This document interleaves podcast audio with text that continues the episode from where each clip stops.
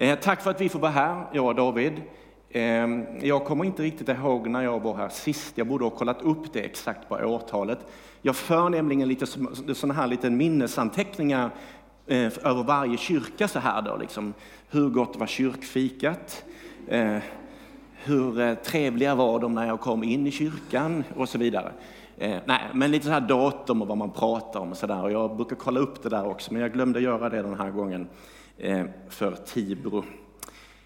Jag vill läsa en bibelvers tillsammans med er, eller några verser, innan vi ska titta på det projekt som ni har varit med här under många år och stöttat. Och om jag lyckas något den här förmiddagen så blir den här förmiddagen en aha-upplevelse för er. För det som ni har varit med om här under många år är någonting helt fantastiskt. Ehm, och det hoppas jag att, jag att ni ska få upp ögonen för. Och inte bara det att vi drar upp rullgardinen framför ögonen, utan att det också därifrån, med orden och bildernas hjälp, också landar verkligen i ditt hjärta. Jag läser ifrån Matteus, det femte kapitlet och den fjortonde versen. Och det står så här. Ni är världens ljus. En stad uppe på ett berg kan inte döljas. Och när man tänder en lampa så sätter man den inte under sädesmåttet utan på hållaren så att den lyser för alla i huset. På samma sätt skall ert ljus lysa för människorna så de ser era goda gärningar. Ni är världens ljus, säger Jesus till sina lärjungar. Och handen på hjärtat, jag vet inte om ni känner er som ljus idag. Eh, det kan ju vara lite olika med det här. Jag heter ju Ström i efternamn, ni förstår ju själv. Jag känner mig alltid som ett ljus. Nej. Men att vi är ljus, det har egentligen inte med oss själva överhuvudtaget att göra. Utan det har med den koppling och den relation och den förankring som vi har till honom som säger om sig själv. Jag är världens ljus. Så vårt ljus, det har med vårt förhållande och vår relation med Jesus Kristus. Och skolan som jag ska visa bilder om här nu, som heter Kalala-skolan, eh, några minuters resa från staden Avassa i Etiopien, den ligger på ett berg. Så vi skulle kunna läsa så här också om den här bibelversen. Ni är världens ljus. En skola uppe på ett berg kan inte döljas. För den skolan på Karala sprider sitt ljus. Det är ofrånkomligt, sa Och ni ska få höra berättelser om människor som har kommit till tro för att den skolan har stått och lyst. Inte bara för att de är duktiga elever och fantastiska lärare, utan för att de har fått förmedla någonting mer. Någonting som har evighetsvärde, nämligen Jesus Kristus och presentera Guds rike. Och det är ni med i. Det visste ni kanske, eller så inte. Vi ska se på den första bilden tillsammans för en bättre värld. Och nu kommer vi redan in på bild två. Vad bra att du är skärpt där nere på datorn här. Nu hann jag inte säga någonting om den första bilden. Men det gör ingenting. Vi kan ta nummer två igen så får du träna lite fram och tillbaka där. Tillsammans för en bättre värld. För det är faktiskt just tillsammans som det här arbetet utförs. Det finns lokalt rotat bland människor som har det i sitt hjärta. Och här får vi vara med en bit ifrån Barnsamariten i Sverige tillsammans med er församling och göra någonting tillsammans. Guds rike handlar om att göra saker tillsammans. Gud älskar gemenskap. Gud är gemenskap. Han är Fader, Son och helig Ande. Han är ett. Han gör det tillsammans. Vi gör saker tillsammans. Vi är en gemenskap. Vi klickar på nästa bild. Vad är Barnsamariten för någonting?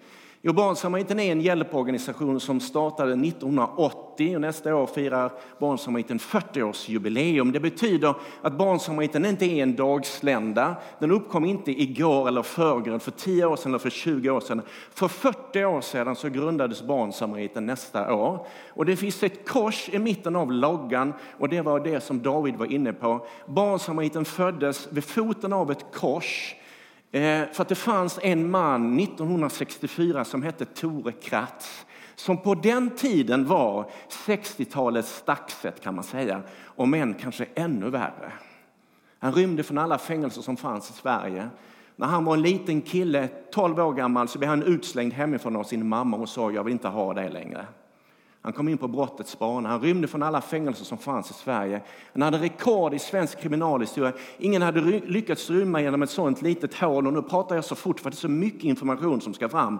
17 centimeter gånger 32 var hålet han rymde genom och blev svensk kändis för det. Han levde i totalt mörker. Visste inte vem Gud var. Han Hade aldrig mött kärleken hos människor. Han Hade aldrig mött kärleken för Gud. Men så fick han ett livsdramatiskt möte med Jesus Kristus och blev fullständigt förvandlad. Han blev frälst i Pingstkyrkan i Karlstad och han blev döpt och det var så många andra kriminella som blev döpta på den tiden. Så då kallar man dopgraven som vi använder här idag i Karlstad för rövargraven kallar man den. För det var så många som fick uppleva nytt liv i Jesus Kristus. Att Gud är den stora kärleken i livet. Och då kände han, jag vill göra någonting för dem som får en riktigt tokig start i livet. Som inte får känna en omfamnande kärlek, som inte har en kärleksfull mamma och pappa. De vill jag göra någonting för. Så startade han Barnsamariten 1980. Och det skedde för att en man fick bli omsluten av Guds kärlek vid foten av ett kors. Och så fick han döpa sig, precis som du gjorde den här förmiddagen, och ge sitt liv till Kristus. Och så startar han den här organisationen. Kan vi klicka på nästa bild? Där såg ni länderna som Barnsamariten arbetar i. Och vi har naturligtvis 90-konto. Eh, och det betyder att all insamlingsverksamhet granskas av revisorer och av Svensk insamlingskontroll. Och varje kvartal måste alla våra partner skicka in finansiella och narrativa kvartalsrapporter där de berättar hur arbetet drivs vad som händer. De måste svara på våra frågor. Och sköter de sig inte med de här berättelserna så säger vi stopp, då skickar vi inga pengar. Vi är stenhårda med det där. Vi måste veta att varje krona som vi skickar ut också går till det det är avsett för. Och vår partner i Etiopien som heter 3D Hope for Tomorrow som driver skolprojektet i bland annat Kalala, de har alltid skött det här. Vi får revisionsrapporter varje år för dig som är intresserad av sånt här. Det är den bästa tänkbara partnern som sköter sig exemplariskt. Vi klickar på nästa bild. I Etiopien, för dig som känner, dig, känner sig lite, ja var är det nu Etiopien ligger? Ehm, så önskar jag att jag vore lite längre, men jag tar hjälp av en trumpinne här nu då. Vad kan man inte använda en trumpinne till? Och här uppe ligger Etiopien, alltså precis ovanför pinnen där då. Jag vet inte om det riktigt syns där, va? men det är Etiopien i alla fall. Och huvudstaden heter Addis Abeba. Och ungefär 35 mil sydväst om Addis Abeba, det är liksom en stjärna, sen är det i mitten där, kanske lite otydligt, det är Addis Abeba. 35 mil sydväst om Addis Abeba så ligger Avassa. Och i den här Avassa-regionen är det som det här skolprojektet drivs. Men runt skolprojektet finns det andra projekt också och de finns uppräknade här. Hjälp till självhjälp, kvinnoprojekt, matutdelning, byutveckling, hälso och sjukvård och även koprojektet som en del av er känner till här i Tibro. Vi klickar på nästa bild här. Alltså vad har Stålmannen med Etiopien att göra? Det kan man ju fundera på. När jag var liten så hade jag en stor förtjusning för sådana här actionhjältar och superhjältar. Och Stålmannen var en sån där hjälte som jag tyckte var fantastisk. Alltså han med sina enorma krafter, han kunde flyga och han var jättestark. Eh, och han hade vissa sådana här egenskaper som jag tyckte var fantastiska. Om det var så att jordklotet hotades av en kärnvapenkommande olycka, då tog han den där stridsspetsen och flög ut i rymden och så kastade han iväg den där eh, kärnvapenspetsen, så exploderade den och så räddade han en hel mänsklighet. Fantastiskt. Eller om det var någon enskild individ som stod mot stup någonstans som var på väg att trilla ut, så kom han flygande för att han älskade att rädda människor. Han älskade att rädda människor. Det liksom var hans uppdrag att rädda en mänsklighet och rädda enskilda individer. Och han satte sig aldrig själv i första rummet. Utan människorna var alltid i första rummet. Den första seriealbumet jag fick, den första actionhjälten jag fick, det var en tidning som på den tiden hette Läderlappen. Alltså det var innan engelskan hade kommit till Sverige. För sen blev det ju Batman då. Och det var min mormor som köpte den till mig när jag var sex år gammal. Hon sa, nu behöver du ha Läderlappen, sa alltså, hon till mig. Och jag tyckte det var superspännande. Eh, men extra roligt att det inte fanns på engelska på den tiden. Då, läderlappen. Då förstår ni hur gammal jag är. Jag är någonstans mellan 100 och 25. Vi klickar på nästa bild. Nå. Finns det hjältar i vår tid? Finns det livslevande eller har det funnits riktiga mänskliga hjältar? Då vill jag säga ja, det har det gjort. Och jag skulle vilja börja med att säga så här i er församling här. Att jag vet att bland annat så finns det fantastiska hjältar på second hand, Candela. Människor som inte sätter sig själv alltid i första rummet utan som är beredda att göra någonting för andra. Då tror jag att man är en hjälte. Som år efter år finns där eller som i församlingen är beredda att göra någonting för andra. Man älskar att hjälpa människor. Då tror jag man är en hjälte.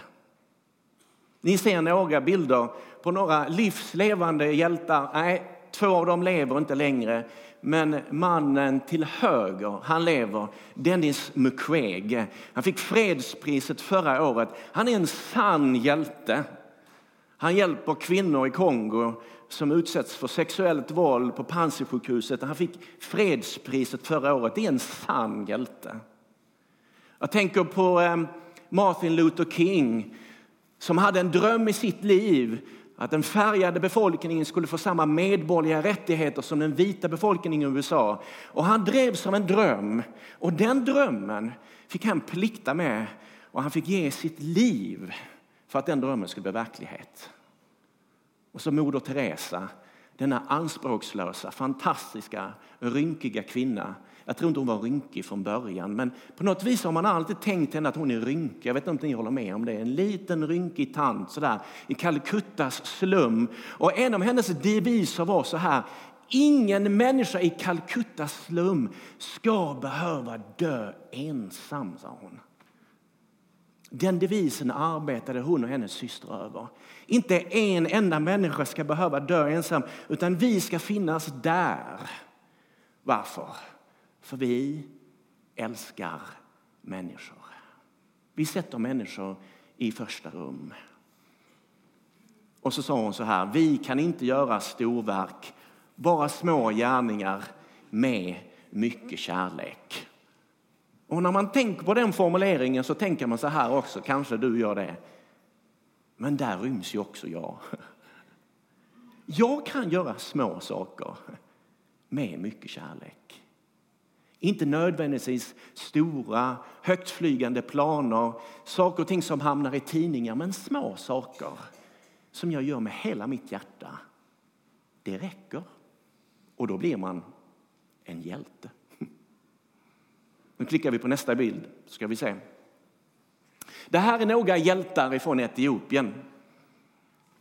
Kvinnan högst uppe till vänster hon är projektledare för skolan i Kalala. Hon heter Workenesh Wutangu Hama. Och varför är hon en speciell hjälte? Jo, därför att hon har varit verksamhetsledare nu vid de här skolorna i flera decennier. Och när hon började så var det många som tyckte att kvinnor kan ju inte bli hjältar. Det var ju internationella kvinnodagen här. Var det i fredags eller torsdags? Vilken dag var det? Fredags, ja. Bra killar att ni håller ordning på det. Och hon var en sann hjälte här ute. En del hade lite svårt för henne i början. Ska hon verkligen vara med och driva ett sånt här stort projekt? Men hon har gjort det med den äran och hon har blivit ett exempel för andra kvinnor att vi har möjlighet och vi kan arbeta med sådana här viktiga projekt. Den här organisationen som hon företräder heter 3D Hope for Tomorrow. Och det är en lokal organisation som jobbar tillsammans med byn i Kalala. Och Kalala ligger högt uppe på ett berg och han som är byledare, han ser ni uppe till vänster, han står i mitten. Han är en kort man, men han är en riktig hjälte. Han är också med i den lokala församlingen. Han är en gudsman, en förebedjare och en människa med ett stort, stort hjärta för barn och familjer. Och det sker tillsammans. Tillsammans med byn utförs arbetet. Tillsammans med kommunledare och representanter från staten och utbildningsdepartementet. Så ordet är tillsammans och det använde jag i början. Tillsammans gör det här, görs det här projektet. Med second handen i Tila, Tila, Tibro. Med Salemförsamlingen i Tibro med kommunledare, skoldepartementet, byledare, församlingsledare, lärare, barn och barnsamariten. Tillsammans händer det någonting. Och det är ni med i. Klicka på nästa bild. Snabbt. Etiopien, 105 miljoner invånare. 50 procent av landets befolkning kan läsa och skriva. Och det innebär att den andra halvan inte kan det. Och siffrorna är mycket bättre i städerna, det vill säga där kan fler läsa och skriva. Men ute på landsbygden där våra skolor finns, där är siffrorna än sämre. Där är ännu fler analfabeter. Men i det här skolprojektet vi har nu då i Kalala, ja, de här, den här skolan berör 2800 hushåll och 16 000 personer. Det är rätt mycket. Så det ni är med om här i Tibro second hand, det berör 16 000 människor på ett berg i Etiopien. Det är rätt coolt. Det är rätt stort. Klicka på nästa bild. Det här projektet föddes i en församling i början av 2000-talet. Här är en bild på den här församlingen. Jag fick vara med här 2001 tror jag komma ut i den här församlingen. Det var ett fantastiskt möte. En församlingsledning som sa att vi börjar känna någonting i vårt hjärta. Gud har lagt någonting på vårt hjärta. Vi vill jobba med skola och utbildning. Och det vi hade där ute minns jag, det var ett stort bönemöte. Och när jag satt där så tänkte jag så här, det här är starten på någonting fantastiskt. Där ute finns och jag vill verkligen betona det, enorma gudsmän och gudskvinnor. När man kommer ut och hit och besöker, David du har varit här, då händer det ibland att man får besök av profeter som kommer och så kommer de säga så här, nu har Gud sagt någonting till mig och det vill han att jag ska förmedla. Så kommer en liten man, en liten kvinna, de är oftast väldigt skrynkliga, ungefär som Moder Teresa då. Och så har de ett ord från Gud. Så vill de förmedla någonting. Det är en vardag i den här trakten. Det är ganska spännande. Klicka på nästa bild. Hur kommer man till Kalala? Stefan, du var ju Asphage. Var har vi dig någonstans? Där. Du har ju varit i Kalala. Du vet att det är ganska svårt att komma upp hit. Det krävs en man med en bra fysik och god kondition, eller hur Stefan? Ja, så ni vet. Det ligger högt uppe på ett berg. Och det ligger på hög höjd. Eh, och eh, det tar ungefär eh, en timme och 45 minuter att gå på den här vägen som leder upp ganska brant till den här skolan. Ehm, och en timme och 45 minuter om det är goda förutsättningar. Och om vägen finns där. Och har det varit regnperiod då kan vägen också ha försvunnit. Och då får man försöka ta sig upp ändå. Det är sällan man kan åka bil upp utan man får gå upp eller ta eh, häst och vagn eller möjligtvis åsna. Men de som bor i den här regionen och som bor och lever här, de knatar upp och ner hela tiden. Och när svenskarna kommer då är de helt slut. De är helt slut. Men här knatar barnen och vuxna upp och ner som ni ser på bilden här. Och vi kan ta fram nästa bild. Barnen de bär tunga bördor på sina ryggar. Nu när de inte går i skolan halva dagen, då är de ofta sysselsatta med att arbeta och ta sig på den här vägen, upp och ner. Och då kan vi också förstå att Etiopien kan producera så många goda löpare med så mycket god kondition. För det är höghöjdsträning här liksom. Varje dag, upp och ner. Flera kilometer. Ett hårt arbete. De bär tungt på sina axlar.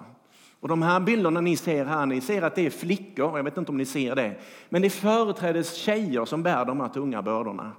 Och det kan vara någonstans mellan 20 och 75 kilo som de bär på sina ryggar. Lägg där till brant backe, hög höjd. Vilket arbete! Så ser livet ut. Vi klickar på nästa bild.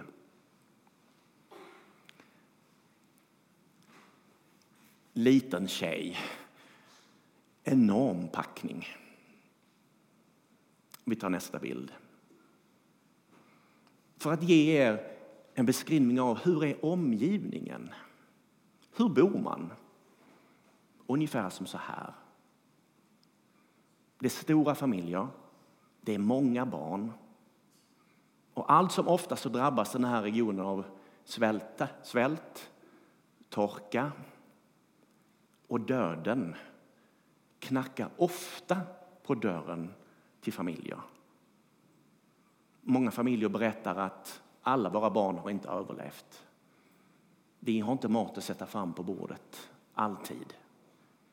Vi bor, vi bor i undermåliga bostäder. Klicka på nästa bild. Det här är en bild på Ajante, hon är 14 år gammal. Så här ser det ut där hon bor.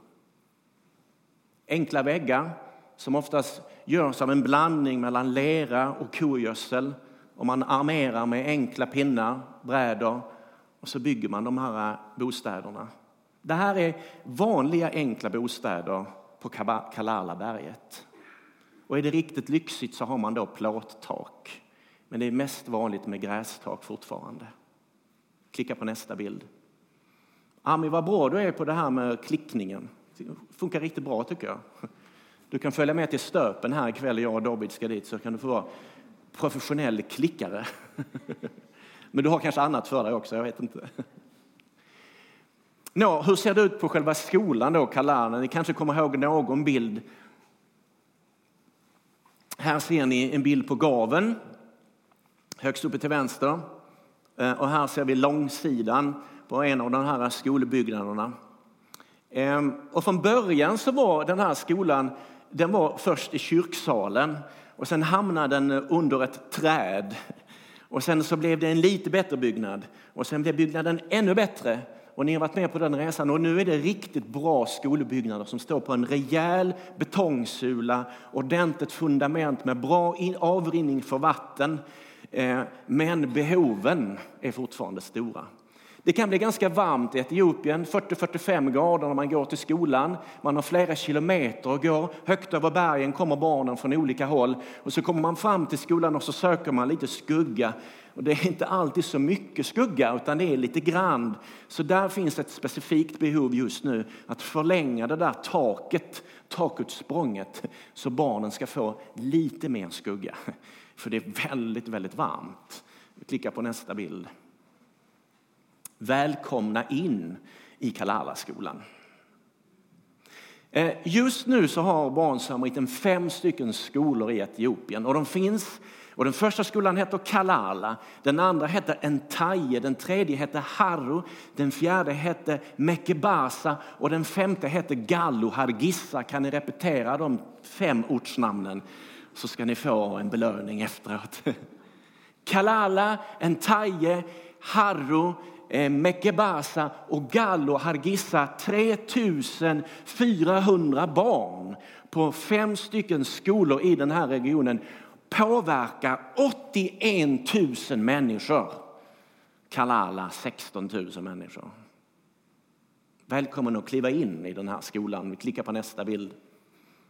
Och om vi tillsammans här fick chartra ett flyg och fick åka ner till Kalala, vilket vore jättespännande, och vi fick kliva av och vi fick köra mot Avassa och sen åka mot berget och kliva upp för berget och vandra och hålla Stefan i handen för han skulle visa vägen för han var där sist. Då skulle ni mötas på vägen upp, nu syns det lite dåligt, men då skulle ni mötas av de här raderna av sjungande barn som skulle hälsa er välkomna. Gjorde de så för dig Stefan när du var där? Ja, den sången, den är alldeles underbar. Och de klämmer i för allt vad de har. 420 elever på Kalala-skolan från årskurs 1 till årskurs 6. Där finns de. Och vi klickar på nästa bild. Alla barn som kommer hit från olika trakter runt det här berget, de kommer från olika bakgrund. En del kommer från muslimska familjer, andra kommer från kristna familjer. En del barn kommer från familjer som har sådana här naturreligioner. Alla är välkomna hit till skolan oavsett religion. Men skolan bygger på en kristen grund. Och det spelar ingen roll om man är flicka eller pojke. Men vi tycker det är viktigt att 50 procent av alla elever ska vara tjejer. Och det jobbar vi stenhårt för. Det spelar heller ingen roll vilken stam man tillhör. Det är många olika stammar här och det kan vara många olika språk som talas också. Det är inte det viktiga. Här är vi ett. Här är vi tillsammans och vi får gå i skolan. Klicka på nästa bild. Lärarna har vita rockar på sig. Alla du som, du som är lärare har tänkt, åh vad roligt det vore om man kunde ha en vit rock på sig. Va? Som en doktor liksom. Hade kanske lyft positionen positioner som lärare lite grann på de svenska skolorna. Då får du flytta till Etiopien och bli lärare istället. Ehm, lärarna är utbildade naturligtvis, har en bra pedagogisk utbildning. Ehm, och faktum var, för några år sedan så fick våra skolor pris som de södra Etiopiens bästa skolor. Därför när de skulle skriva nationella prov så skrev barnen fantastiska resultat. Och det tyckte vi var fantastiskt. Därför då vet vi att det är bra lärare. Och de ger barnen absolut det bästa. Nu kommer här en underbar berättelse. Ni ser inte så mycket av den här mannen. Det är lite diffust nere till höger. För något år sedan så sa den etiopiska utbildningsmyndigheten så här till oss. Okej, okay, ni välkomnar alla till er skola oavsett religion. Då har ni väl ingenting emot att vi rekommenderar den här muslimske mannen att bli rektor på Entajeskolan. Och då sa vi, det var svårt. Vår partner tyckte inte att det var genast så enkelt. Att det här bygger på att lärarna är kristna. Vi träffas och har morgonbön. Hur ska det här gå? Och de skickade frågan till oss i Sverige. Hur gör vi? Och vi har vårt kontor i Bankryd och vi bad för det där tillsammans. Och så kände vi, vi ska säga ja. Och det kände de också där ute. Så vi sa ja. Och så började han. Och han var väldigt duktig som rektor. Hade bra meriter, duktig lärare, god organisatör. Och så började han att komma in på den här skolan. Så gick det några veckor och det gick några månader och så kom han till sina kollegor och så sa han så här, det är en annorlunda stämning här på den här skolan, sa han. Vad är det som är annorlunda?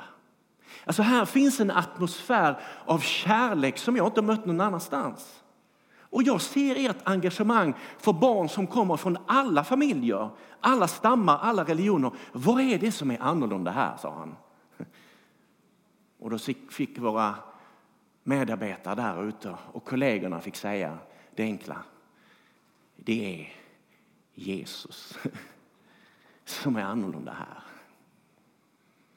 Det är Guds kärlek som vi lever i och utav. Och den vill vi förmedla. Då sa han, då vill jag bli en efterföljare, sa han.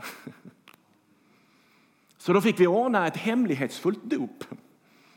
För det var inte så lätt för honom att bekänna tro, för han levde i en helt muslimsk kontext. Så i all hemlighet så döpte han sig. Och nu så börjar han vittna för sin familj, för sina grannar och sin nyvunna tro på Jesus Kristus. Så ni nu som trodde att skolan bara var, och det är inte bara att lära ut läsning och matematik, den är inte det endast, utan den har också blivit ett evangeliserande verktyg så att människor får tag på Guds rike på ett berg i Etiopien. Visst är det coolt? Ni är med om det. När ni jobbar på second hand så är ni med och sprider Guds rike på det här viset. Och han är så duktig den här rektorn så han också kommer upp till Kalala-skolan. Därför kan han finnas med på bilden här. För han är en sån duktig lärare och pedagog och organisatör så många behöver hans kvalifikationer. Då klickar vi på nästa bild. Nu ska jag vara kortfattad för annars håller jag på för länge här. Alla barn får skoluniformer. Det är viktigt. Då tar vi snabbt nästa bild. Alla barn på skolan får också hälsokontroller och allt skolmaterial. Barnens familjer har inte råd att köpa det här. Oftast inkomsterna är väldigt låga. Hälsokontrollerna är görviktiga. Eh, jag vet inte varför jag säger görviktiga, men när jag är skåning, jag vet inte varför jag använder det ordet egentligen. Säger man typ i Göteborg eller i Värmland eller något sånt där. Liksom. Men de är väldigt viktiga. Regelbundet får man de här hälsokontrollerna. Eh, och det är väldigt mycket sådana här infektionssjukdomar som finns. Och det handlar också om att ge livskvalitet för behandlingar, mask i magen, parasiter, hudåkommor, eh, malaria, återkommande bekymmer, medicinera mot det och vi har sjuksköterskor som jobbar med det här. Vi försöker ha ett holistiskt perspektiv och försöker se barnen utifrån ett, ett, ett helhetsperspektiv. Utbildning, hälsa, mat, kläder och så vidare, familjesituationer och så vidare. För att liksom kunna ge en hel lösning för hela familjen och hela barnets situation. Nästa bild. Ni får bara titta på den här. Skolbarn från Etiopien, Kalala. Nästa bild. 50 procent ska vara tjejer. Det är en, en, en, en regel vi har skickat med från Sverige. Det är viktigt för oss att se till att det är 50 procent tjejer som går. Därför många unga tjejer blir bortgifta i tidig ålder. Mellan 10 och 15 år, väldigt vanligt att de blir bortgifta. En tredjedel av alla flickor gifts bort när de är barn. Men utbildningen hindrar det lite grann. Och föräldrarna tänker vad bra att de får utbildning. Här finns det en framtid. Och man behöver liksom inte bara gifta bort sin dotter för att hon ska komma in i ett annat hem och på det viset få försörjning. Utan det finns faktiskt en framtid enskilt för min dotter, vår dotter. Klicka på nästa bild. Det här är en underbar historia. Eh, det här är elever som har gått på Kalala-skolan och som nu går på universitet i Avassa. Ni har varit med så länge och stöttat där ute så nu är de på universitet. Bara en sån sak gör att man känner wow! Det är så coolt. Killen längst borta till vänster, orange tröja, han är ungdomsledare Caroline, du är ungdomsledare, ungdomspastor här i kyrkan. Han är ungdomspastor i kyrkan i Kalala. Och så samtidigt så läser han på universitetet och han började i den här byskolan. Nu läser han på universitet och han ska bli civilekonom. För han har sagt så här, de behöver hjälp med ekonomin på berget har han sagt. Det är många som behöver hjälp med ekonomi. Fantastiskt. Och det här är Tiggist som ni ser nere till vänster med gul tröja. Och hon skickade ett brev till oss här i veckan och det finns faktiskt också så ni kan läsa här ute. Och, och då skriver hon så här att jag var en av de första eleverna som började på Kalala-skolan. Skrev hon. Nu ska jag utbilda mig till eh, väg och vatteningenjör, skriver hon i sitt brev. Jag har läst i två år och jag har tre år tillbaka att läsa. Fem år ska hon läsa den här eller vägvatteningenjörsutbildningen. Och varför? Så skriver hon i sitt brev så här. För att vi har så dåliga vägar på vårt berg, skrev hon. Vi behöver bättre vägar, skrev hon. Och så skriver hon så här, och det är så stort när hon skriver det här. Min dröm har gått i uppfyllelse, skriver hon. Och jag vill vara med och uppfylla andras drömmar. Det är mitt sätt att ge tillbaka. Jag citerar hennes brev här nu. Jag vill ge tillbaka det jag har fått uppleva. Det är min dröm. Att uppfylla andras drömmar. Det är ni med om härifrån Tibro. Och då kan man säga att, att, att hon är en liten hjälte. Och ni är också små hjältar här i Tibro. Och jag tänker på second hand när ni tvättar, när ni stryker, när ni flyttar, när ni bär och när ni fikar tillsammans. Ni gör små saker med stor kärlek.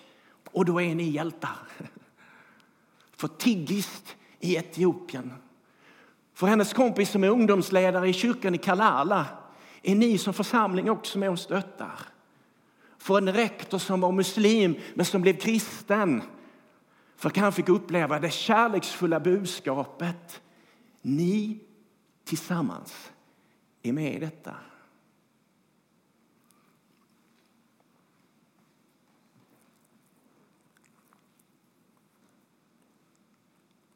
Nu ska jag be David komma upp och sätta sig och, och, och strax spela en sång för er.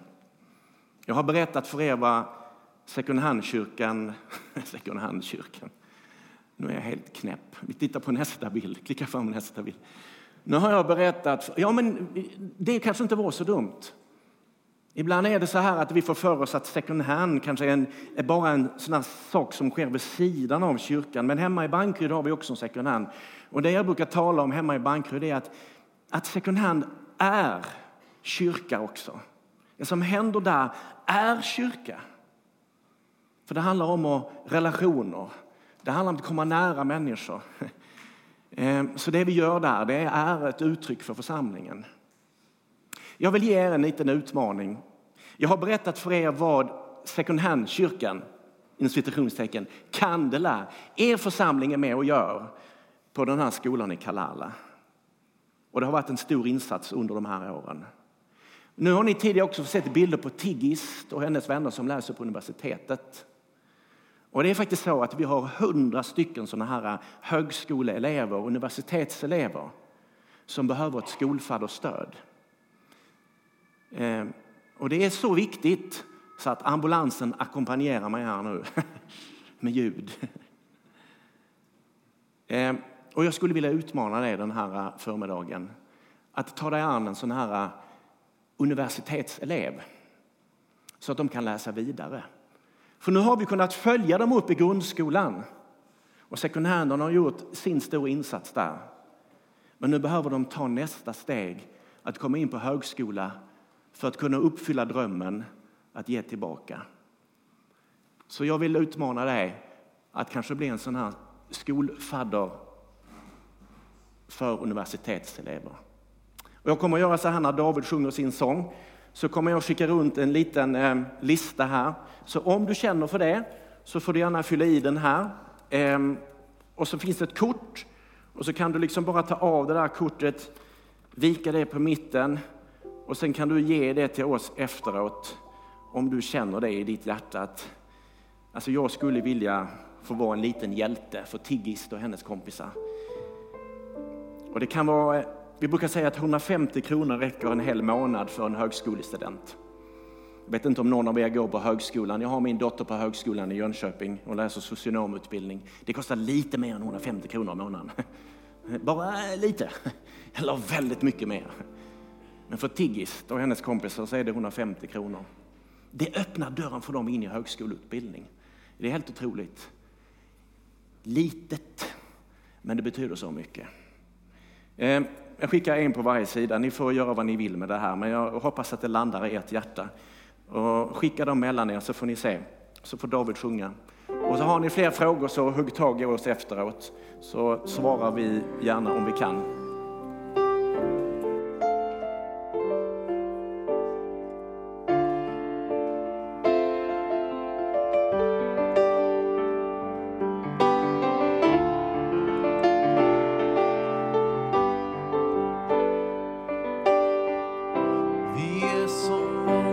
som känner oss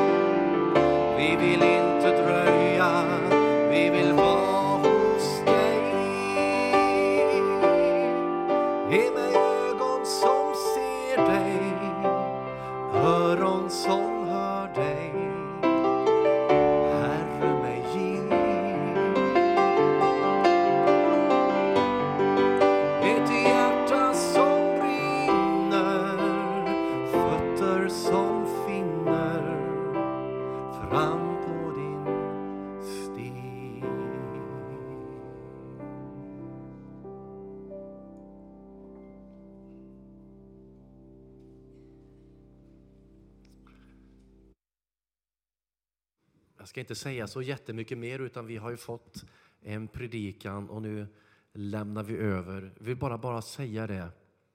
Om du har kommit hit ikväll eller här idag på förmiddagen och du det vart såklart, vi hade en liten bönestund innan här nere.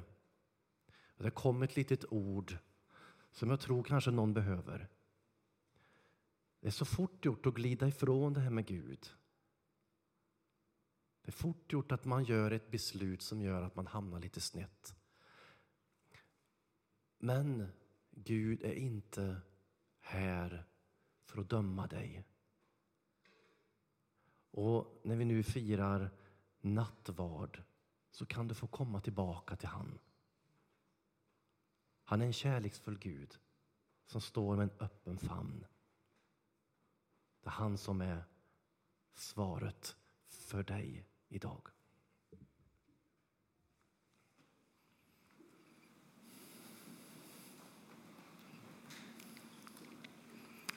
Tack David, tack Stefan för vittnesbördet, berättelsen. Den tar tag i, i mig. Jag är tacksam för att höra den för första gången. Och det här får vi vara med i. Låt mig få som lite avslutning på det ni har berättat